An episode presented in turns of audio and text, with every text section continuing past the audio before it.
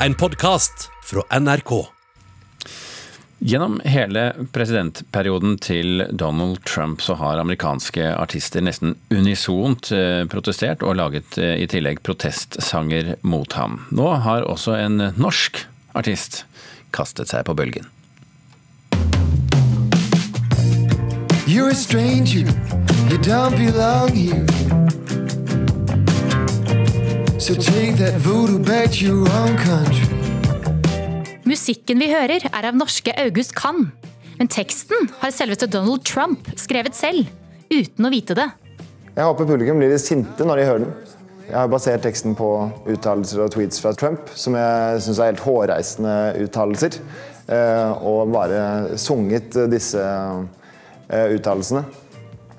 Men hvorfor skriver en norsk artist musikk om den amerikanske presidenten?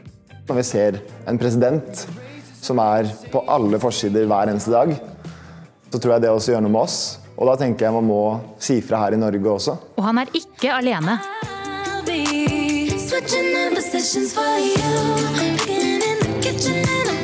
Ariana Grande, Black Eyed Peas, Remember what the president said when asked? He said there were, quote, very fine people on both sides. og Demi Levato er noen av de mange amerikanske artistene som har skrevet protestsanger mot Trump den siste tiden. chief. Honestly, if I did the things you do, I couldn't sleep. Kunstnere har jo brukt kunsten sin for å påvirke samfunnet. eh, Og for å støtte ting, protestere mot ting, drive maktkritikk. Sånn har det vært i hundrevis av år. Så det at man bruker musikk på den måten, det er jo ikke noe nytt. Sier musikkviter Audun Molde. Men har denne musikken egentlig noe påvirkning for valget? Det er jo ganske mainstream å protestere mot Trump. Det, det gjør omtrent alle artister som mener noe. Men poenget tror jeg er å få folk til å stemme. Molde mener at musikk i stor grad er med på å engasjere velgere. Selv om den har en annen rolle i dag enn tidligere. En viktig forskjell på f.eks. borgerrettighetskamper på 60-tallet og i dag er jo mediesamfunnet, selvfølgelig. Men samtidig så har du noen som er så store, som har som 100 millioner følgere, sånn, som kan påvirke ekstremt mye. Den norske artisten har også hentet inspirasjon fra 60-taller. Selv er jeg inspirert av liksom, 60-tallets eh, protestsanger og sånn, eh, med Bob Dylan og Med et smil om munnen håper artisten at han kan bidra til valget. Jeg håper sangen kan være med å bidra til å velte Trump. Det er bra med folk som er ambisiøse. Reporter her, det var Kristin Sverre Østensvik. Vi har nå med oss eh, kulturjournalist i nettmagasinet Subjekt, Aurora Henny Krogh. Kan sanger påvirke valget i USA så mye at det får noen betydning? Eh, Jeg tror i utgangspunktet ikke det, men det er jo lov å håpe. Hvor stort, da, hvor stort engasjement klarer eh, popartistene som vi hørte litt av her, eh, å skape når de står fram med sitt politiske syn? Det er jo det er noen som klarer å skape større engasjement enn andre. Men det er ikke tvil om at popstjerner nå i dag klarer å skape enormt mye engasjement. Vi ser jo f.eks. Liksom når Selena Gomez poster på Instagram at hun har stemt, så får hun nesten 10 millioner likes. Så det er jo klart at det treffer veldig mange mennesker. Og samme med f.eks.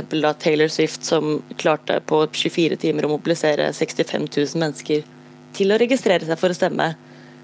Så man skal ikke undergrave den betydningen popstjerner har for det politiske, da. Men det er vel noe de kan tjene på det sjøl òg, og hvem har profilert seg mest på dette? Eh, ja, det er absolutt noe du kan tjene, tjene på selv. Uh, og det er ganske Det som er morsomt, er at det har vært et ordskifte fra liksom at mange artister skulle kun lage musikk og egentlig være stille og ikke ha så mye meninger, til at det blir veldig hot da, å være politisk, i hvert fall sånn i USA. Um, så man kan jo f.eks. se da på Igjen, et godt eksempel er jo Taylor Swift, som siste, de, i løpet av de siste årene har gått fra å være en liksom, America's good girl og vært stille og nikket, og folk tror hun er repub republikaner, og så ser man det at hun står frem og støtter demokratene og er veldig veldig åpen. og Det virker jo som det har gitt henne enorm oppslutning også. Og så finnes det jo andre som hele veien har vært veldig åpen politiske, og som sikkert har fått motgang pga. dette, men også liksom Det er ingen tvil om hvor de står, da, og det tror jeg gir publikum en trygghet også. Mm. Hva med artister her i Norge? Vi hørte jo om en engasjert her i saken, men hvor, hvor utbredt er det? Um, vi har ganske mange flinke.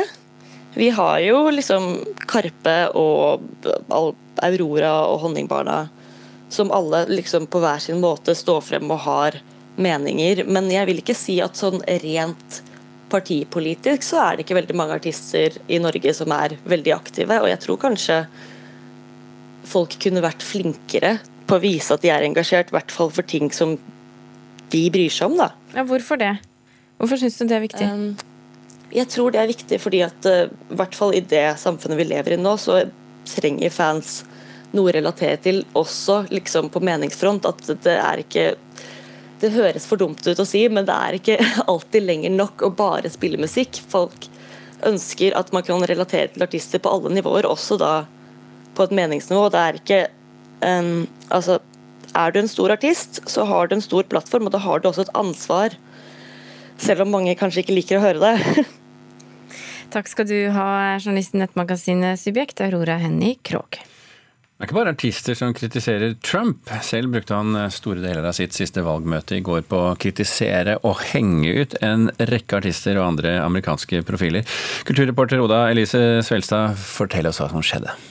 I går hadde han sitt siste valgmøte i Pennsylvania, og framfor tilhengerne sine gjorde han bl.a. narr av artisten Lady Gaga. Now he's got Lady Gaga. Lady Gaga is not too big. Du går bare videre? I could tell you plenty of stories. I could tell you stories about Lady Gaga. I know a lot of stories about Lady Gaga. Han sier bl.a. at Lady Gaga ikke er helt bra, og at han kjenner til mange historier som ikke setter henne i et så godt eh, ljos. Og Bakgrunnen for det hele er at Lady Gaga, som støtter demokratene, var med presidentkandidat eh, Joe Biden på hans valgmøte, i, eh, som også var i Pennsylvania i går. I forkant av dette har Trump og Lady Gaga utveksla en del spydigheter mot hverandre på Twitter. Men var, Han stoppa ikke på Lady Gaga, da han hadde mer? Eh, det stemmer. Han snakka òg om superparet Beyoncé og eh, Jay-Z. Eh, og han kalla musiker John Bon Jovi for en smiskar. Og ikke nok med det, han snakka også ned basketspiller LeBron James. Faktisk såpass mye at han fikk tilhengerne til å synge LeBron James' sug. How about basketball? How about LeBron? I felt badly for LeBron. I felt very badly. Down 71% What a crowd! Og Konflikten her stammer bl.a. fra en tidligere uttalelse fra LeBron James, eh, der han kaller Trump for en bolle. Har det kommet noe motsvar, da, eller eh, andre reaksjoner? Eh, ikke ennå, som jeg har sett, i alle fall. Eh, bortsett fra Lady Gaga, som eh, brukte taletida si under Bidens valgmøte til å adressere Trumps sexistiske uttalelse 'grab them by the pussy'. Now is your chance to vote against Donald Trump, a man who believes his fame gives him the right to grab one of your daughters or sisters or mothers or wives by any part of their bodies. Vote for Joe. He's a good person. Thank you. Hun oppfordra altså eh, alle kvinner til å stemme på Joe Biden. Valg i USA i morgen. Vi fortsetter med kultur. Det blir spennende. ja, det blir veldig spennende. Ja, vi fortsetter nå med kultur og eh, amerikansk politikk. For det var kanskje ikke det Donald Trump hadde sett for seg komme ut av fire år som president i USA, men nå har altså trumpismen inntatt hovedscenen i Operaen i Oslo. Forrige uke var det urpremiere på balletten eh, The Commoners, som tar altså utgangspunkt i sitater fra Trump-supportere i USA. Og koreografien er ved Hege Vi skal høre et utdrag. But this feminism, this punching my knees, is not good for you. I can take it, but it's not good for you. Please stop being liberal. You're hurting yourself. The presidency is a man's job. A female has more hormones She could start a war in 10 seconds. If she has hot flashes, whatever, boom! Whenever I hear president, I think of man. It's a man's job. Well, well what sort of, maybe Ja, Karen eh, Frøsland Nystøl, hva skjer når en tar sitatet fra Trump-tilhengere og gjør det til kunst på Operaens hovedscene? Ja, da, da, popper en mengde problemstillinger opp med en gang hos tilskueren. Iallfall så gjorde det det hos meg. Denne balletten er på en måte en undersøkelse av Trump-velgeren, og òg da et forsøk på å forstå. Men samtidig så spilles jo den da trolig for et publikum som går i operaen i Oslo og kanskje da ønsker Trump dit pepperen gror. Så spørsmålet er om denne balletten klarer å skape forståelse for eh, de som eier disse utsagnene, eller om den stryker tilskueren medhårs i, i, i, våre meninger, da. Altså gjør han narr, eller kan han avdekke noe djupt menneskelig? Prøv å beskrive denne balletten eh, for oss. Ja, altså Den er både morsom og sår, og jeg mener jo at de klarer denne balansegangen. Eh, men på scenen så står selvfølgelig en stor mur, som da etter hvert krakelerer og kan flyttes på og løse seg opp. Og foran på scenen så står et rødt cembalo, og der kommer der inn en pianist, setter seg ned, spiller Måneskinnssonaten av Beethoven, det mest eh, klisjéfylte og, og, vakre stykket du kan tenke deg. Men så skjer det noe med denne Måneskinnssonaten. Den, den krakelerer, den blir feil, eh, og hun fortsetter å spille samtidig som hun synker ned i orkestergrava med instrumentet. Det er jo skikkelig Titanic, dette her. Eh, så kommer da fram på scenen danserne, og de er kledd med korsetter som strammer, svære korsetter og store krager som gjør at de, de har ingen bevegelsesfrihet.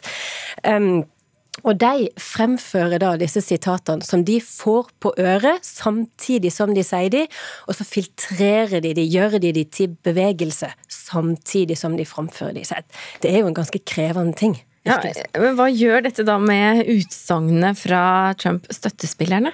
Altså det tar det jo helt ut av en sammenheng og setter det inn i en ny en. Altså her er det hvite, slanke, sterke kropper som framfører disse nesten desperate sitatene.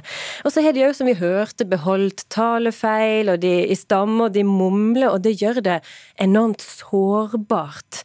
Um, og samtidig, disse korsettene og kragene gjør at danserne i seg sjøl samler opp energien, sånn at de bevegelsene de klarer å gjøre, blir så utrolig energifylte. De bruker jo klassiske ballettbevegelser, men det, det, går jo ikke an å framføre med alle disse bindingene på. Så det blir en sånn samling av kraft i det. Og samtidig så er danseren utrolig dyktige i å hente fram eh, tonen og musikaliteten i de breie amerikanske dialektene, så de klarer liksom danse ut disse dialektene i, i disse utsagnene som de samtidig kommer med. Så egentlig så er det det som blir sagt, som står i sterk motsetning til alt det andre vi ser som er storslagent og flott og fint koreografert og satt sammen. Eh, og det gjør at sårheten, dypet, håpet i disse replikkene løftes fram gjennom nettopp denne store, store kontrasten.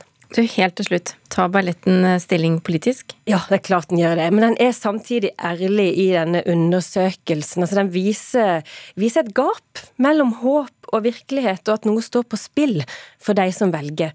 Eh, og kan vi kjenne igjen dette håpet når vi sitter og ser det, så har balletten lykkes. Og det har den egentlig, tror jeg, langt på vei, selv om jeg sitter igjen med masse spørsmål etterpå. Karen eh, Frøsland Nystølt, takk for at du tok oss med på scenen, rett og slett.